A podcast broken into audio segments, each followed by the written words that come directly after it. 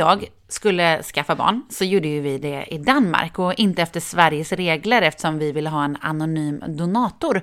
Och vi behövde därmed inte ha det psykosociala samtalet inför att få börja försöka skaffa barn. Vi hade istället ett litet joursamtal på kliniken i Danmark. Men på det första besöket på mödravårdscentralen så fick jag dock ett litet häfte med olika hälsofrågor att eh, svara på och fylla i och sedan lämna in.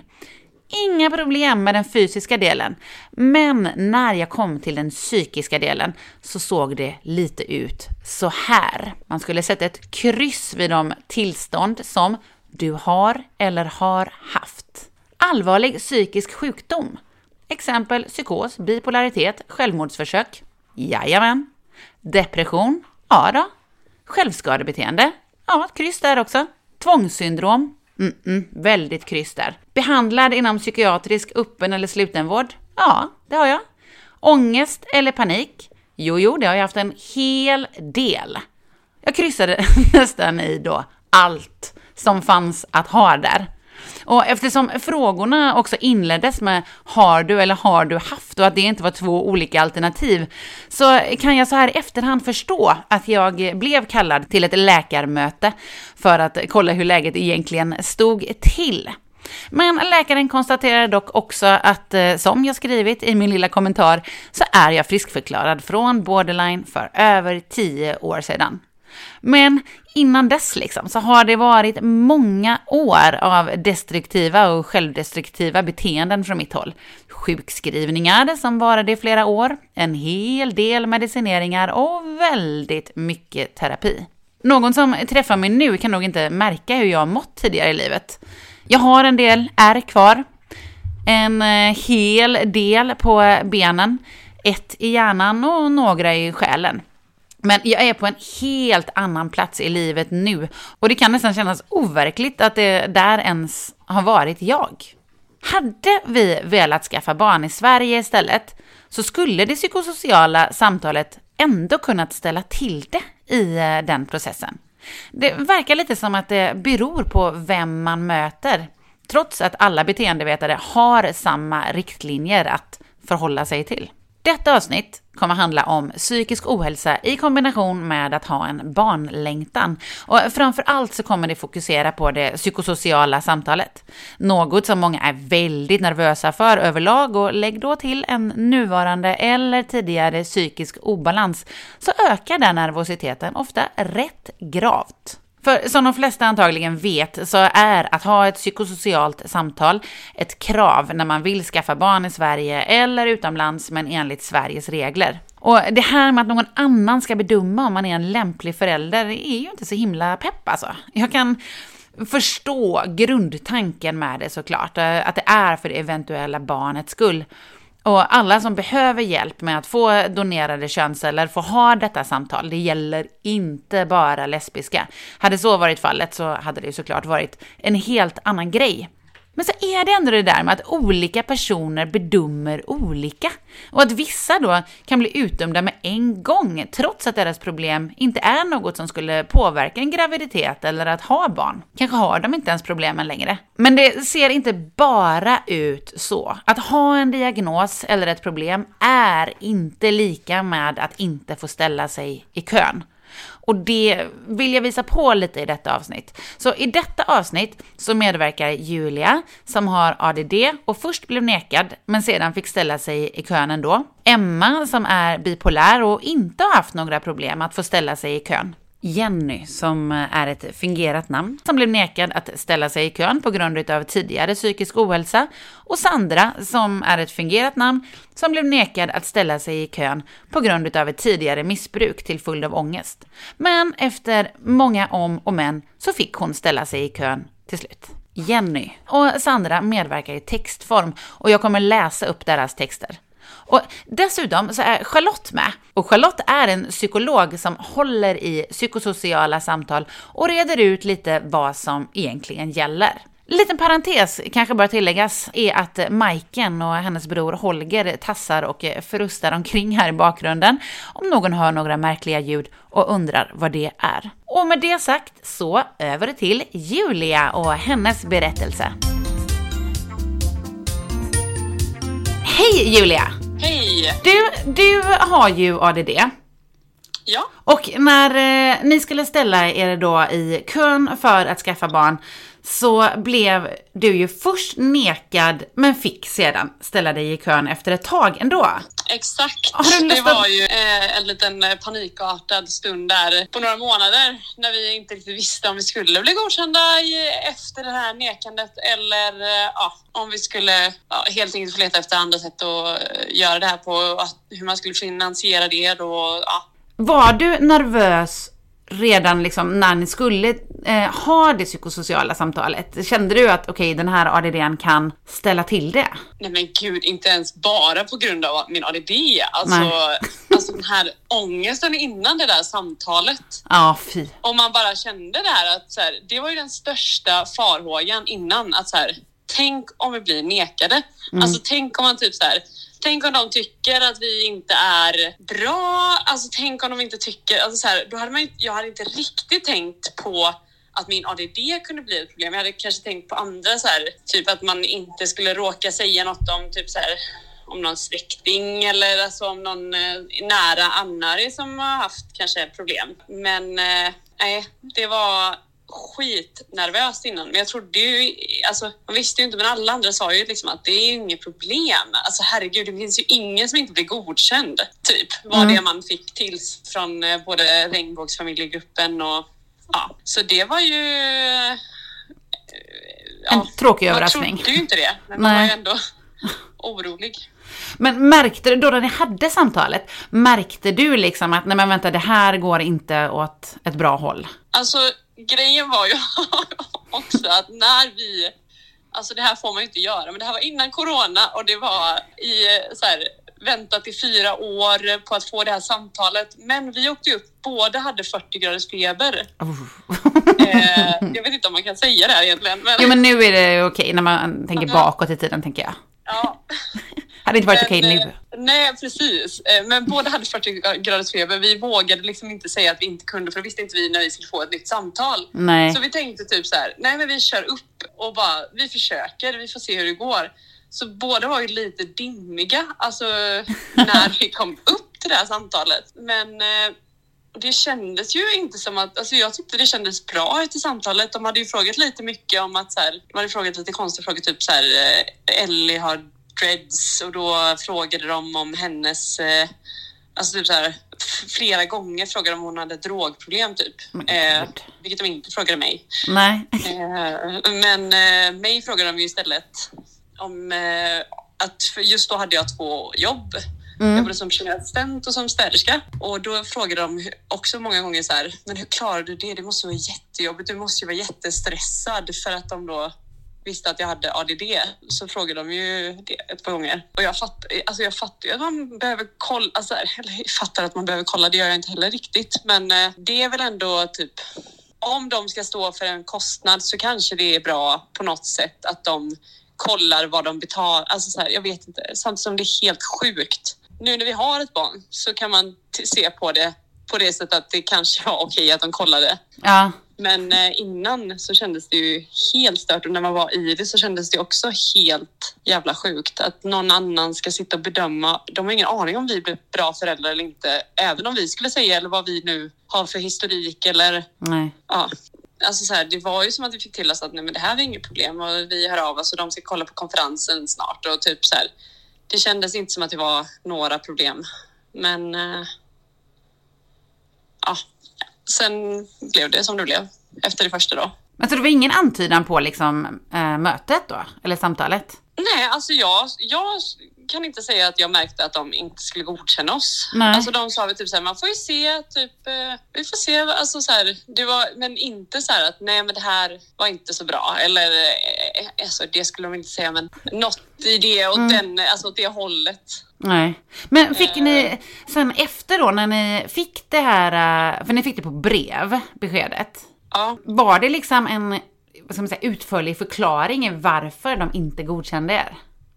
nej men gud nej. Det var så respektlöst att så här, det brevet, att bara ens inte ringa upp och bara skicka ett brev och s- inte förklara. Alltså det var ingen bra förklaring och att vi tolkade det som att vi aldrig skulle bli godkända. i det brevet var ju inte heller, eh, alltså jag önskar att jag hade med mig brevet så jag kunde läsa upp det, men det var ju verkligen så här, i- det var inte bra Nej. skrivet alls. Eh, ja, Men för ni, sen Ja. försökte ni ju igen ändå, eller för ni har ju ja, men ett barn nu som ni har, fått via landstinget.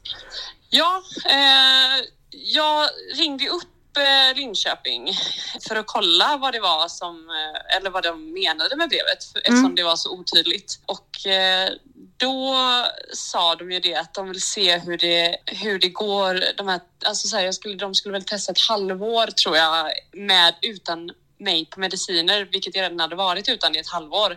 Ja. Men de skulle testa ett halvår till då, ville de se hur det funkar och de hade inte satt upp några kameror hemma hos oss så jag vet inte riktigt hur de testade det. Men eh, de eh, testade det på något sätt. Och sen då, så, så det var ju så jag, vi, vi fick reda på att det inte var helt kört. Men det var ju att ringa upp någon och sen då, ja. Så knäppt, tänk om ni hade blivit ja, men helt knäckta där och bara, nej men nu släpper vi det här då. Och så bara, Ja, ja, fanns det här en Ja. chans? De skulle bara testa lite grann. ja, ja, nej, det, ja. Och sen så klarade du då uppenbarligen detta test. Men fick ni, ha Ja. ett, fick ni ha ett samtal till då? Eller eh, var det Ja. bara, ja?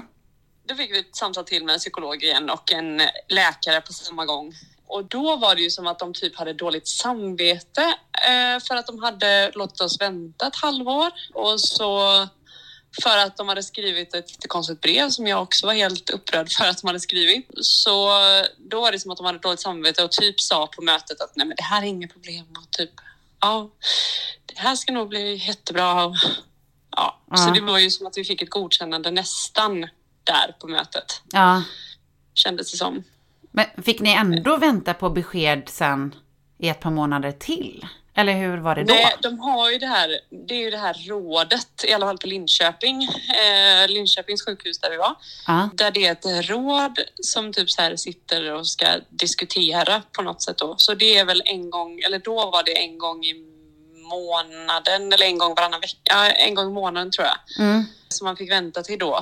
Så det var väl någon månad, en och en halv månad som vi fick vänta till Mm. för att vänta. Och den där jävla väntan alltså. Ja, fy. Alltså, Och också Alltså- efter att du har fått ett negativt besked innan, när det inte kändes som att det skulle bli det. Blä. Men vad bra att det i alla fall blev ett positivt besked då. Ja, det var ju jättebra. Men jag vill inte heller skicka med andra som gör den här processen att de ska vara oroliga Nej, för nej. Liksom det här. För att det är det som jag ändå typ... Alltså det gick ju bra till slut Mm. och vi blev godkända. Och det, alltså försök, alltså om man, om man klarar av att ha lite is i magen, vilket är helt omöjligt typ. Men Mm. om man klarar av att ha lite is i magen och typ känna att så här, det kanske bara var nu, vi kanske inte behöver vara helt, alltså som jag kände mig ju helt knäckt. Vilket också är jag. Men om jag, jag vill i alla fall skicka med att det, vore vikt, det är viktigt att inte ge upp hoppet. Att man kan, man kommer, om man vill ha ett barn och det inte är alltid helt fel med liksom så här, livmodern eller vad det nu kan vara, så kommer det lösa sig till slut. Ja, ja. Det finns hjälp ju då också att få, om det är fel på allt. Ja, ja men precis. Men då kanske man får betala lite pengar. Men saker kan i alla fall lösa sig. Ja, Julia, tack så mycket för att du var med och berättade din historia här. Efter Julia, som ju är ett eh, bevis på att sagor kan få ett riktigt lyckligt slut, så kommer här Jenny med sin berättelse. Och denna berättelse är något av det sorgligaste jag har hört på väldigt länge. Snacka om att möta fel person och hur det kan påverka så mycket. Jag är idag 33 år och min fru 30. Min dröm har sedan jag var i tonåren varit att få en egen familj. Att få leva med någon jag älskar och känner mig trygg med. Någon som samtidigt älskar mig för mig och accepterar, respekterar och värdesätter mina styrkor. Och min fru gör inte bara det, hon kan även hantera mina minnen, bromsa mig när jag far iväg i tankarna, få mig att skratta. Vi visste tidigt att vi ville skaffa barn, men vi visste också att vi hade flera hinder på vägen att ta oss förbi, runt och över. Vi mötte en kurator på en klinik som höll på att krossa våra drömmar, sätta stopp för en framtid med ett mirakel, plus på ett graviditetstest, ultraljud, cravings på olika konstigheter och väntan på att allt ska dra igång och vi får ringa förlossningen. En kurator som var både respektlös, okunnig och oprofessionell. En kurator som lärde oss där och då att vissa människor tyvärr är allt för snabba på att döma och sedan välja att utgå från det oavsett vad vi berättar och försöker förklara. Men framför allt slogs vi omkull av den smärtsamma insikten och enorma respektlösheten som kommer när fel person sitter på fel plats, där allt för mycket hänger på personens åsikt, insikt och antaganden. En makt som kan komma att betyda allt eller inget för många som i mitt fall tidigare kämpat med psykisk ohälsa och diagnoser. Jag har sedan tidig ålder utsatts för sexuella övergrepp, mellan 7 och 14 års ålder, vilket resulterade i många år med depressioner, självskadebeteende och diverse, nu bortplockade, diagnoser. Kort sagt, jag mådde väldigt dåligt innan jag fick rätt stöd, hjälp och möjlighet till bearbetning. Och när jag sedan träffade min fru mådde jag redan väldigt mycket bättre än jag gjort under många år. Men efter våra tre år tillsammans finns det idag ingen som skulle tro att jag mått så pass dåligt tidigare och jag njuter idag av livet och kärleken. Och på grund av olika både emotionella och fysiska skäl visste vi redan innan vi påbörjade vår resa mot en bebis att jag skulle vara den bärande mamman under graviditeten. Tyvärr har jag PCOS utan varken ägglossning eller spontana blödningar och måste därför genomgå hormonstimulering för att en ägglossning ska kunna ske. Och vi först då skulle kunna genomföra en insemination. Men tyvärr nekades vi behandling på grund av min tidigare dokumenterade psykiska ohälsa och diagnoser. Jag har alltså inte haft några självskadebeteenden, inga inläggningar, inga symptom eller dokumenterade tecken på depression. Enligt min läkare är jag idag psykiskt sett mer stabil och mår bättre än vad många andra gör. Jag mår alltså, enligt en specialistöverläkare som är klinikchef och som med åratal av erfarenhet och kontakt med mig anser att jag idag är i bättre psykiskt skick än många som kanske aldrig upplevt någon sorts trauma eller på något sätt behövt kämpa med psykisk ohälsa. Men detta motsades av en kurator som inte tyckte det skulle vara gynnsamt för ett barn att ha en genetisk biomamma med så omfattande psykisk instabilitet. Denna kurator frågade oss endast om tidigare erfarenheter av psykisk ohälsa. Berättade sedan att hon inte kunde godkänna mig med vad hon kallade lugn i själen, eller känna sig trygg i tanken på att jag skulle ansvara för en bebis under en hel graviditet. Hon fattade sitt beslut efter att ha ställt max 10 frågor till mig. Frågor som man inte ville höra de riktiga svaren på. Ja eller nej-frågor där en stressad kurator inte hade tid eller kanske ens vilja att låta mig förklara varför jag svarade just ja eller nej. Hon fattade ett beslut som krossade vår värld och som jag upplevde både kränkte och straffade mig för vad övergreppen och dess följder tvingat mig att uppleva och överleva. Vi kämpar fortfarande mot vår dröm, men idag kämpar vi, och kanske framför allt jag, med mina egna tankar och känslor kring min förmåga att vara mamma. Jag kämpar med att inse att denna kuratorn har fel och istället våga lyssna på och tro på min omgivning, min läkare och framför allt min fru när de säger att jag visst kommer kunna älska, prioritera och ansvara för vår bebis, både i och utanför magen. Fakta och känslor går inte alltid hand i hand och kuratorns ord, trots att jag innerst inne vet och förstår hur fel hon har, fick mig att på förhand döma ut och tvivla på mig själv. Att du inte kan bli gravid utan medicinsk behandling kanske är ett sätt för ditt undermedvetna att försöka förhindra något som du egentligen inte skulle klara av. Punkt. Men det är alltså ett citat av den här kuratorn. Och nu håller jag nästan på att börja gråta igen, men Första gången jag läste det här började jag definitivt gråta. Det är så fruktansvärt hemskt. Oh, jag kan liksom inte ens föreställa mig. Samtidigt som jag kan föreställa mig, för det känns som att det här skulle kunna ha varit jag ifall vi hade vänt oss i Sverige och vi hade kommit till fel person. Hur kan fel personer få sitta på sådana här jobb? Jag fattar inte. Jag bara... Jag, jag, jag vet liksom inte ens vad jag vill göra. Jag vill bara önska dig all, all, all lycka till ja, vilket jag har gjort också, men vill göra det ännu mer till att, till att det bara ska bli bra. Jag hoppas att det blir det. Lesbisk gravid Okej, vi kör vidare. Nu ska ni få höra på Emma, som då är bipolär men inte har haft några problem med att få ställa sig i inseminationskö. Hej Emma! Hej! Du har ju ett barn, är bipolär, men stötte alltså inte på några hinder vid det psykosociala samtalet? Nej, det stämmer. Gud, vad, vad skönt. Men var du orolig innan samtalet att det skulle bli några problem? Ja, absolut. Eh, vi ställde ju oss i kö innan jag fick min diagnos, så det var ju också mm. lite speciellt så. Och eh, man har ju läst lite om det här med liksom, psykisk ohälsa och, och såklart att de har väl vissa krav så, eh, mm. på att få göra behandling. Så att det skapade absolut en, en oro och det gjorde ju att ja, men vi diskuterade okay, hur ska vi gå tillväga för att ha all, allt på det klara inför att vi faktiskt ska få bli kallade dit till slut. Så. Och jag hade ju läkarkontakt och jag hade en sjuksyster som jag träffade på, på psyk då efter att jag hade eh, fått diagnosen och, och liksom pågående behandling och så. Så jag pratade jättemycket med dem om hur man gör och, och hur de tänker om de har liksom varit med om någonting sånt tidigare. Så i slutändan så var det så när vi hade fått ordning på behandlingen och rätt medicin och, och, och samtalskontakt och verktyg och så, så skrev de båda två, läkare och eh, sjuksyster, ett varsitt papper på att jag är frisk, jag har en stabil behandling och de ser inga hinder för att jag skulle kunna skaffa barn eller vara gravid. Det var väl det som var egentligen den största frågan. Klarar du av att vara gravid och allting som kommer med där? Men vad, hade du med dig de papperna då till mötet med beteendevetaren? Ja, Eller, ah. de eh, låg inne på mina, i, i, mina journaler och det var väl det som det första vi tog upp egentligen eh, med henne. Att jag har den här diagnosen eh, och att jag har de här papperna med mig och då sa hon jättebra. Det var det, min, min nästa fråga ah. som jag skulle ställa om du har någon, någon, någon intyg på, på hur behandlingen går och så där. Så då var det klart egentligen. Mm. I, liksom.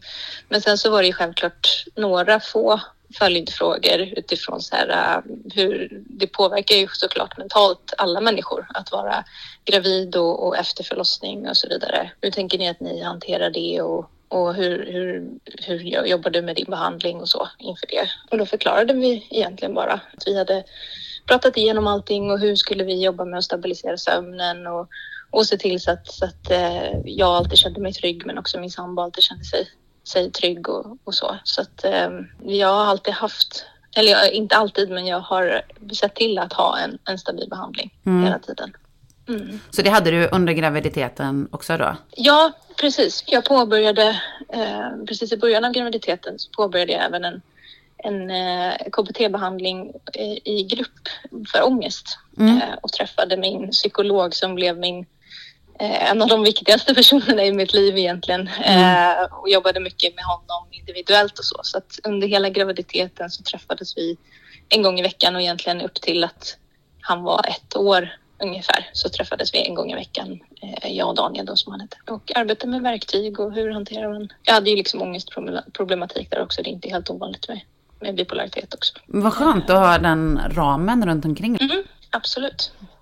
Men var det något mer som beteendevetaren frågade om din bipolaritet? Mm, nej, inte direkt faktiskt. Det var just det här med att, att, ha, att vara stabil och, och eh, det kändes för oss som att hon hade väldigt mycket fokus på att jag skulle må bra egentligen. Mm. Eh, utifrån att jag inte skulle eh, drabbas av någonting eller gå in i depression eller, eller någonting sånt. Så att ibland så känns det som att det finns en bild av att vården kanske har, eh, tror att man inte kan vara förälder om man har en psykisk ohälsa eller så. Att, man, mm. att, det, att det finns en dömande bild gentemot personer med psykisk ohälsa. Och det var inte vår upplevelse kan jag säga. Sen så kan jag inte tala för någon annan så. Men, men vår upplevelse av just Huddinge eh, som vi var på var superfin. Absolut. Ja, ja vad fint. Ja, men det är ju väldigt bra liksom att veta att det, att det finns eh, väldigt bra också. Som inte dömer ut helt sådär. Men vet du vad, vad det var som gjorde att du fick påbörja behandling? Eller var, var det just det liksom att du har det där stabila runt omkring och hade en kontakt och en behandling som du var i? Ja, det, det, det, tror jag var, var, en del av det. Att vi hade en stabil, eller vi hade en, en tanke och liksom en plan eh, redan från början för, för mig överhuvudtaget att jag ska må bra i min, i min sjukdom och så. Så jag tror att det kanske var lite det som de var intresserade av. För att det utgör ju liksom en risk, och mycket så likt till exempel om du har diabetes eller någonting annat som också utgör en risk för, för personer som är gravida. Så det är väl det som de egentligen vill ta reda på. Ja. Ehm, så det, det var det som, som jag kände var att de ville ha koll så här, okej okay, hur känns det kring det? Sen de andra frågorna var ju mer hur, hur man tänker kring inte, inte så mycket egentligen heller barnuppfostran eller någonting sånt. Men, men det hon förklarade var väl att för oss i alla fall som jag tyckte kändes ganska logiskt var att det kommer folk dit eller män då som lämnar eh, sperma och gör det i god tro om att de eh, kommer att lämna över den här sperman till stabila familjer för barnens bästa. Liksom. Ja. Eh, och sedan så gjorde ni ju syskonförsök. Och mm. när ni då fick ha ett samtal med en beteendevetare så var det inte heller några problem? Eh, det var faktiskt så att vi hade aldrig något samtal med en beteendevetare andra gången. Utan det var bara direkt på egentligen. Ah, okay. Eh, och jag vet inte om det har någonting att göra med att Angelica, min sambo då, är, är den som bär nu eller ska bära nu. Så jag tror att det, det stärker lite min... Vi har inte frågat dem om det, hur den inställningen är, men det stärker lite min tanke om att det har att göra med framförallt personen som är gravid, att de ska må bra snarare än att, att eh, bedöma familjen. Så. Mm. Eh, sen så kan det också ha att göra med givetvis att vi har redan ett barn så det blir tråkigt om de säger att vi inte får skaffa barn eh, andra gången. Liksom, så. Men ja, nej, vi hade aldrig något samtal. Så, så, det, så det gick bra i alla fall, det andra icke-samtalet? ja, ja, absolut. Men fint att höra att det kan eh, vara så här bra också jag tror att mycket har att göra med, för våran del, eller min bild har att vara, när man, när man vill liksom skaffa barn eller så, tänker jag, för våran del i alla fall, att vi, vi hade ett ansvar i att dyka upp där och visa att, att vi hade liksom en stabilitet. För mig också var det väldigt viktigt. Mm. Så jag tror att det var det som var väldigt lugnande utifrån deras syn på oss eller liksom hur, hur vi klev in i det rummet eh, med, med den förberedelsen som vi hade och så. Att vi har tänkt på det och funderat kring det och, och tagit den, den hjälp som är möjlig. Sen så är ju psyk efter i, i, i behandling av, av människor och, och, stöd. Så vi har ju kämpat väldigt hårt för att få det, det ja. stödet. Så. Och det kan ju vara problematiskt också. Ja, verkligen. Ja, bra att du fick den hjälpen då som du behövde. Tack så mycket för att du har varit med, Emma. Inga problem. Ja, det är så fint. Detsamma. Som du antagligen har märkt vid det här laget så kan det vara så himla olika hur man blir bemött vid det psykosociala samtalet. Avslutningsvis så kommer nu Sandras berättelse och den tog ju då först stopp innan hon ens fick ha något psykosocialt samtal. Men den har också ett lyckligt slut. Jag och min fästmö blev nekade av ett sjukhus när vi ansökte om att få ställa oss i kö för assisterad skattefinansierad befruktning. Anledningen till detta var att jag tidigare har varit i kontakt med beroendevården. Detta var under 2018, en period av för mycket alkohol i samband med nedstämdhet och ångest. Inledningsvis vände jag mig till vårdcentralen för att få en samtalskontakt, men blev vidare remitterad till en beroendemottagning då jag bedömdes ha ett pågående alkoholmissbruk. Eftersom jag bara behövde ha någon att prata med så gick jag helt enkelt med på detta och fick där hjälp att komma i kontakt med en samtalsterapeut som hjälpte mig otroligt mycket med att få rätsida på mina tankar, känslor och beteenden. Redan efter några månader kände jag mig mer på fötterna och så småningom mådde jag betydligt bättre och kunde avsluta kontakten. När jag och min partner sedan ville ställa oss i kö på sjukhuset så blev vår remiss nekad. Endast utifrån journalgranskning och utan att ha träffat och gjort en bedömning av oss som par.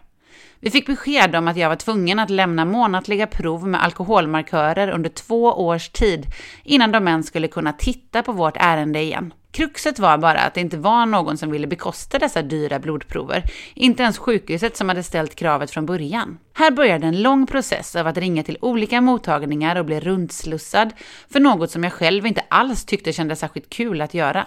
Efter några månader så gick eh, ursprungssjukhuset till slut med på att bekosta dessa och gick även med på att tillgodoräkna de blodprover som jag lämnat på min dåvarande beroendemottagning under 2018. Parallellt med att vi befann oss i denna process valde vi att vända oss till en privat mottagning och bekosta inseminationer på egen hand. På stället vi vände oss till fick vi fantastiskt bra och snabb hjälp, med mycket sympatisk och förstående vårdpersonal.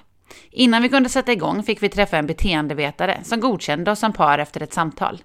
Vi genomförde under våren och hösten 2020 fyra inseminationer som tyvärr inte resulterade i någon graviditet. Framåt hösten började vi känna oss mordstulna igen, då vi inte visste hur eller när vi skulle få komma igång med processen på nytt. Efter ytterligare kontakt med sjukhuset vi började på så meddelade de till slut att de kunde ta emot vår remiss då de gjort en bedömning att jag vid det laget hade uppvisat beroendefrihet under tillräckligt lång tid. Vi har nu stått i kön sedan början på oktober 2020 och i januari fick vi besked om fritt vårdval och ska nu till en klinik för IVF i februari. Vi är minst sagt glada och lättade och försöker att se framåt. Men frågan som vi har ställt oss under de senaste 18 månaderna efter nekad remiss är, ska man verkligen bli bestraffad för att man sökt hjälp för livsstilsproblem? Och vad är det egentligen man mäter när man enbart gör en journalgranskning? Pågående missbruk eller benägenhet att söka hjälp när man behöver det? Tankarna fortsätter att snurra och går även ut till andra som är med om liknande bemötande och bekymmer. Med vänlig hälsning, frågande men förhoppningsfull flata. Lesbisk gravidpodd! Nu har det blivit dags att släppa in Charlotte af Ekenstam, som ju då är psykolog som håller i psykosociala samtal. Charlotte representerar givetvis inte alla beteendevetare, men hon representerar sig själv såklart. Så vad har då Charlotte att säga om eh, detta ämnet? Ja, det tar vi och lyssnar på nu. Hej Charlotte och välkommen till Lesbisk gravidpodd! Hej! Du är ju beteendevetare. Ja, precis. Jag är psykolog. Ja, ja, ja okej. Okay. Ja, är, är du psykolog och beteendevetare eller är du psykolog som håller i psykosociala samtal? Jag är psykolog till yrket och jag tror att den övergripande benämningen på oss som är psykologer och ja, beteendevetare eller kuratorer kallas för beteendevetare. Ah, okej. Okay. För du håller ju i psykosociala samtal för de som vill påbörja fertilitetsbehandlingar. Mm. Så nu ska vi försöka reda ut lite saker här då. Mm. För först så undrar jag ju då om ni som beteendevetare liksom har samma riktlinjer över hela landet eller kan det skilja sig åt mellan olika regioner och personer hur man bedömer olika frågor? Det är ju så att alla beteendevetare eller psykologer har samma riktlinjer och eh, det är ju riktlinjer som Socialstyrelsen har tagit fram och de utgår ju från ett barnperspektiv och liksom är till för att skydda barnet i det här sammanhanget. Mm. Och själva riktlinjerna är ju lika för alla. Sen kan jag tänka mig att på olika ställen och eh, på olika kliniker så gör man lite olika när det gäller kanske antalet samtal man har eller så. Men själva riktlinjerna ser likadana ut för alla. Ah, okay. Jag kan tänka mig att rutinerna kan vara lite olika beroende på till exempel klinik. Ah. I, alltså vi, jag, jag samarbetar mycket med en klinik som heter Livio som ligger på Gärdet i Stockholm. Och eh, där så har vi nästan alltid Ja, vi har en till två samtal, lite beroende på om man söker som ensamstående eller som par. Så det kan variera lite. Eh, oftast har vi två samtal, men ibland behövs det bara ett. Det, är, om det är till exempel då med ett par, är det två gemensamma samtal då eller är det två separata? Oftast är det gemensamma samtal, men om jag gör bedömningen under det första samtalet att man i paret kanske tycker lite olika kring saker eller att jag får en känsla av att kanske att här är det någon som, som vill det här mer än det andra eller att man kan tycka olika när det gäller vem som ska bära barnet. Om det, om det uppstår någon sån situation där jag känner det, då brukar jag eh, kunna göra annorlunda vid det andra samtalet. Att man delar upp och, och ses en och en. Nu ska vi ju då fokusera här liksom på frågor om psykisk ohälsa. Så då undrar jag, vilka kan vara orsakerna när det kommer till psykisk ohälsa att man inte får påbörja fertilitetsbehandlingar? Till att börja med så är ju alla bedömningar som vi gör är ju individuella bedömningar. Så det är väldigt svårt att svara, svara enkelt på den frågan. Jag förstår det. Men eh, det, de frågor som vi ställer oss när vi gör bedömningen är ju till exempel hur kommer det här påverka barnet? Alltså om, om det framkommer att det finns psykisk ohälsa, hur kommer det påverka barnet? Och eh, tanken är ju att individen eller paret behöver ju klara av eller orka med att eh, ta hand om ett barn. Och mm de frågor som vi samtalar om, allting blir rätt hypotetiskt för man har ju inte ett barn ännu. Mycket av det man pratar kring blir ju så här, ja men hur skulle det här bli, hur skulle det här bli? Och samtidigt som det är hypotetiskt så är det ju också så att det finns mycket i hur personen eller personerna har det idag och hur de har haft det tidigare som, som säger någonting om hur det kan bli i ett föräldraskap, om du förstår vad jag menar. Ja. För mig blir det ju viktigt att undersöka om personen har eller om personen tidigare har haft besvär med psykisk ohälsa och i så fall lite mer hur det har sett ut. Det kan ju handla om depression eller ångest eller annan psykisk ohälsa. Det kan ju också vara livskriser alltså, eller sorg på grund av separation eller förlust det är väl egentligen inte så att det finns någon specifik diagnos som gör liksom att man antingen kan fortsätta behandling eller inte utan det är ju snarare så att vi tittar lite mer på dels vad, vad finns det för, ah, vad är det för diagnos men framför allt vad har personen, vad har individen för funktion? Hur fungerar personen i vardagen, i sitt arbete, i sociala relationer, kring det praktiska. Och finns det någon särskild skörhet kring just den här personen eller någon särskild sårbarhet som kan ha att göra med andra saker. Men det blir också viktigt tycker jag att höra lite hur individen eller paret resonerar kring det här. Om det mm. framkommer att det finns psykisk ohälsa. Alltså hur resonerar man kring det? Hur skulle det bli i ett föräldraskap?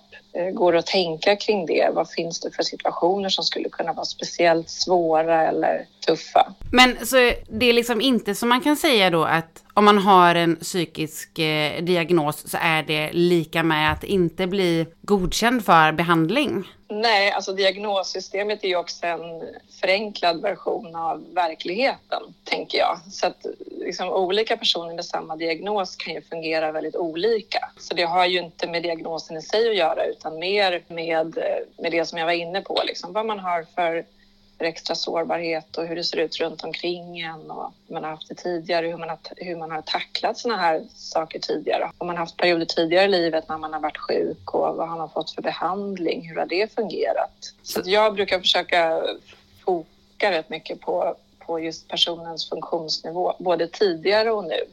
Ja. Och sen också hur man kan prata om det här och, och reflektera kring det här utifrån då föräldraskapet.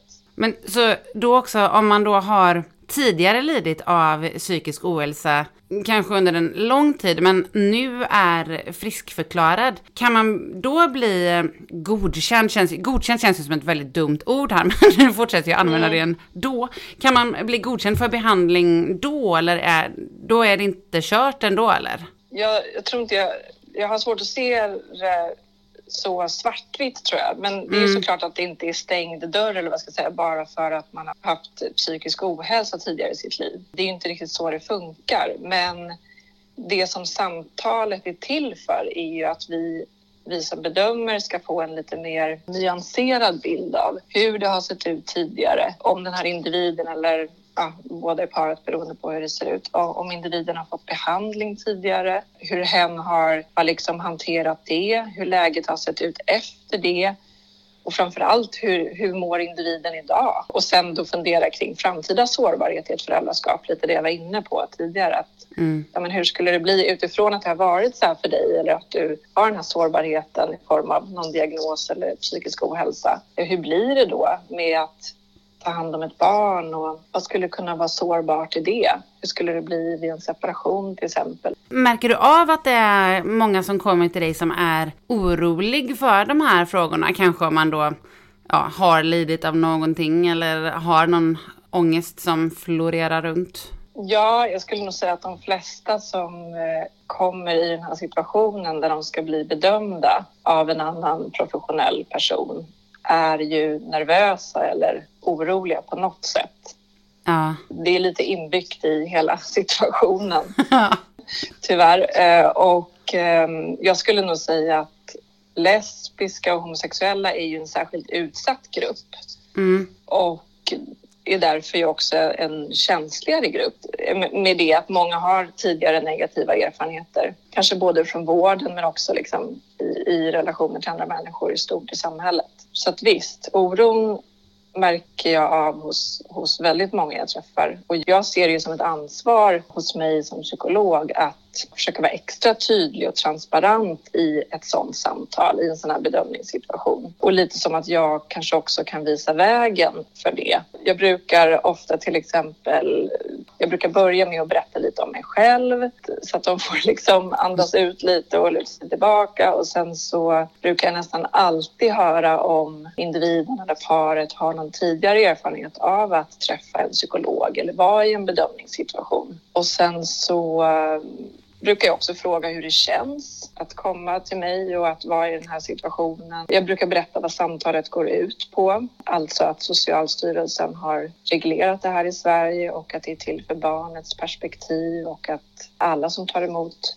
könsceller behöver gå igenom den här bedömningen. Ja, ja det är nog viktigt att det kommer fram för det verkar som att det är mm. rätt många som tror att det bara är samkönade par som, mm. Eh, som behöver bli godkända. Mm. Men jag har förstått det. Mm. Och jag har också förstått att jag liksom, ibland behöver man väga sina ord. Det behöver jag med och, ibland, och det har ju också hänt att jag trampa fel ibland, verkligen. Och det har jag ju lärt mig mycket av. Så att jag brukar också uppmuntra att liksom avbryta eller stoppa mig om jag säger någonting som ni inte förstår. Jag brukar också försöka förklara varför jag ställer vissa frågor och så. Ja, men det är ju bra. Det blir ju en trygghet. Detta var vi ju inne lite då på, men vilka kan vara orsakerna till att vissa med psykisk ohälsa blir nekade vård medan vissa med psykisk ohälsa inte blir det? Jag tror att det beror mycket på alltså, både typ av psykisk ohälsa och graden av psykisk ohälsa och också hur personen eller individen förhåller sig till sitt mående. Alltså om personen har tagit hjälp, vad, vad måendet får för inverkan på individens liv och vardag. Och i förlängningen så blir det då också, hur blir det här för barnet? Mm. Så att mår man själv dåligt så påverkar det ju hur man fungerar i, i vardagen och det, i förlängningen påverkar det ju hur man är med barnet. Och lite det där jag sa tidigare, att två individer med samma diagnos kan ju fungera helt olika. Ja. Att återigen, det är ju en helhetsbedömning. Så att två individer med samma psykiska ohälsa, alltså på pappret samma psykiska ohälsa, kan mm. ju fungera väldigt olika. Och att det handlar inte bara om den psykiska hälsa, eh, ohälsan utan också en helhetsbedömning i hur man har det i livet och hur man fungerar. Och vad man har för nätverk, alltså socialt, vilka som finns omkring en och om man har fått behandling, tagit till sig behandlingen, alltså utvecklats vidare. Kan det förresten bli en, vad ska man säga, nackdel för ens bedömning då? Om, om vi säger att det är två personer med samma diagnos, varav en person har fått mycket behandling innan, så den liksom har aktivt eh, kanske till och med sökt upp och sen tagit emot hjälpen. Men att det får den på pappret att se liksom ut som att den mår egentligen sämre än den andra personen som inte har sökt hjälp. Kan det då bli ett eller liksom negativt för den som har sökt hjälp och fått hjälp? Nej, jag tänker att det viktiga blir ju att för oss som bedömer att få veta hur har man tidigare fungerat utifrån sitt mående och hur resonerar man kring det här idag? För jag tror egentligen inte, alltså det är ingen nackdel. Jag tänker det viktiga blir ju att höra individen berätta, alltså ha lite perspektiv till liksom, och kunna berätta vad, vad man har varit med om eller hur man har mått. Också kunna reflektera kring det och reflektera utifrån en framtida föräldraroll. Både sånt som kan bli då utmaningar men också sånt som man kanske har lärt sig eller ja, som inte behöver bli något stort hinder. Så det där med vad man har på pappret, diagnos eller inte, alltså det handlar ju mer om funktionsnivå och har man gått i en behandling och, och, det finns på pappret. Det visar ju snarare på att man är beredd att ta hjälp, att man förhoppningsvis då kanske har fått också hjälp av behandlingen. Ja men det är ju betryggande att veta för de som är i den situationen då så man inte bara tänker att man har som ett negativt CV liksom. Nej, jag förstår hur du menar. Mm. Nej, det är, det är inte så, så tänker inte jag i alla fall. Nej. På det hela. Nej. Är det vanligt att man inte blir eh, godkänd eh, för behandling, men att man senare kan bli det ändå? Om man till exempel fullföljer en eh, behandling för då ens psykiska ohälsa, eller på något annat sätt kan visa att man eh, kan bli en lämplig förälder? Alltså själva den psykosociala bedömningen är ju en bedömning här och nu. Så det är ju en slags färskvara på det sättet. Och om vi gör en helhetsbedömning där, där läkaren avråder eller säger nej till fortsatt donationsbehandling, då brukar, så som vi gör när vi, vi psykologer och beteendevetare som samarbetar med Livio och Gärdet, så brukar vi sen eh, rekommendera att om patienten sen vill söka på nytt så vänder man sig till en annan klinik. Ah, okej. Okay. Så vi ser det lite som att det ligger ju på oss att tydligt förklara varför vi bedömer att någon inte kan gå vidare med donationsbehandling. Det ligger på oss att patienten vet våran bedömning och på vilka grunder vi tar beslutet. Men det ligger ju inte på oss att säga exakt vad individen ska göra för att vid ett senare tillfälle bli godkänd. Vi ger inga rekommendationer. Nej, okej. Okay. På det sättet. Men det ska vara en tydlig bedömning och vill man senare söka igen så rekommenderar vi att man gör det på en annan klinik. Ja. Också för, för patientens egen skull, att få en, en ny bedömning. Ja, så man inte ska ha med någonting i bagaget där då. Nej, precis lättare när man gör det privat då i Sverige. ja, exakt. Ja, det har du rätt i. Mm. Ja. Men det funkar i alla fall så hos er. Så har vi gjort, ja. ja. Har du något råd att ge till dem som inte blir eh, godkända att påbörja fertilitetsbehandling på grund av sin psykiska hälsa? Nej, jag tycker den är svår, men det som jag rekommenderar är att man ser till att få en tydlig bedömning. Alltså att få en förklaring till eh, vad det är som gör att, att läkaren tar beslutet att man inte får gå vidare med, med donationsbehandling. Man har rätt till att få en tydlig bedömning som man förstår. Och sen så om man inte håller med om den bedömningen, då har man också rätt att vända sig till Socialstyrelsen eh, och pröva frågan där. Okay. Um... Eller vända sig till en annan klinik då om man har möjlighet till det. Ja, just det. Ja. Mm. Du, Charlotte, tusen tack för att du har varit med och svarat på de här frågorna. Själv, det var jättespännande. Det var jättekul och spännande att ha dig med. tack, tack ha det så bra. Ja, du med. Tack, hej då. Charlotte vill göra några tillägg till intervjun och det får hon såklart göra, så nu läser jag upp dem.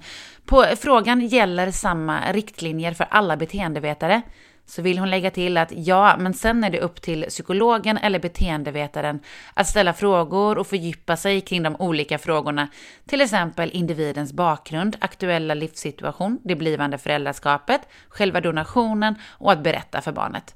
Där tror jag att vi professionella kanske gör lite olika. Som jag ser det så är det psykologens eller psykoterapeutens eller bedömarens ansvar att öppna upp för ett samtal som inte bara blir ja och nej på frågor, utan där individen eller paret också får möjlighet att reflektera kring hur livserfarenhet eller psykisk ohälsa kan påverka ett föräldraskap och i förlängningen ett barn. Jag brukar också försöka hjälpa individen eller paret att konkretisera frågor, göra dem vardagsnära. Då blir det enklare att sätta sig in i hur skulle vi göra? Hur skulle det bli för ett barn? Några av oss psykologer och psykoterapeuter som samarbetar med Livio och Gärdet i Stockholm har pratat om hur vi brukar genomföra den psykosociala bedömningen och det visar sig att vi gör ganska lika. Det känns bra ur ett patientperspektiv. Hon vill också lägga till att i de patientfall där läkare tagit beslut att säga nej eller avråda så har vi först gjort en genomgång och diskussion tillsammans, läkare och psykolog. Vi har även haft fall där vi tar hjälp av varandra, där vi till exempel är två psykologer eller psykoterapeuter som gör varsin enskild bedömning och därefter diskuterar tillsammans med ansvarig läkare. I vissa fall har det handlat om livsomständigheter som gör att vi avråder från donation just nu, men att individen eller paret kan återkomma när situationen ändrat sig. Det kan till exempel handla om arbetslöshet eller en osäker ekonomisk livssituation. Särskilt för en ensamstående kvinna blir det väldigt sårbart. Sammantaget är det individuella bedömningar där vi gör vårt yttersta för att ha ett barnperspektiv. Detta var alltså då Charlottes tillägg. Men kom ihåg de sakerna som Charlotte sa, om det skulle vara så att eh, du får ett avslag. Du har alltid rätt att få en utförlig beskrivning av varför du har fått ett avslag. Och av vad vi kan ha lärt oss av allt som vi har hört idag, att även om det verkar kört så är det kanske kört just nu, men inte om ett tag, eller vad man ska säga. Nu, om jag liksom tittar på mig själv, hur jag eh, mådde för då väldigt eh, länge sedan, så är jag extremt glad att eh, jag inte hade någon barnlängtan som slog till då. I det fallet hade jag väl antagligen gått ut och legat med massa killar och blivit gravid på så sätt, för det var så jag kunde hantera vissa situationer då. Och därmed inte behövt ha det psykosociala samtalet, vilket, ja, för min del hade det varit en bra grej så någon hade stoppat mig. För i det läget som jag var där och då så är det rätt självklart att jag inte skulle haft barn. Vare sig för min eller för barnets skull framför allt. Även om jag såklart antagligen hade gjort allt i min makt för att barnet skulle få ett bra liv. Men hur som helst, så som jag mådde då, så menar jag inte att alla som får avslag nu mår eller beter sig. Skulle fallet vara så, så jag är helt eh, hundra med att avslag ges. Men nu kan det ju också vara i andra situationer som verkar helt orimliga. Alltså detta känns ju som ett egentligen outtumligt ämne. Eh, avsnittet skulle kunna bli hur långt som helst. Ämnet skulle kunna ta över podden. Men det kommer det inte göra. Däremot så kommer det definitivt komma fler avsnitt på ämnet längre framöver. Jag hoppas att detta avsnitt har kunnat vara till någon form av hjälp. Ge lite hopp till någon som behöver det. Visa hur fruktansvärt det kan vara för någon som behöver veta mer om eh, situationen man är i. Om man har en barnlängtan men ett pågående eller en tidigare psykisk ohälsa. Stort tack för att du har lyssnat. Vi eh, hörs snart igen. Puss puss! Hej då! Lesbisk gravid på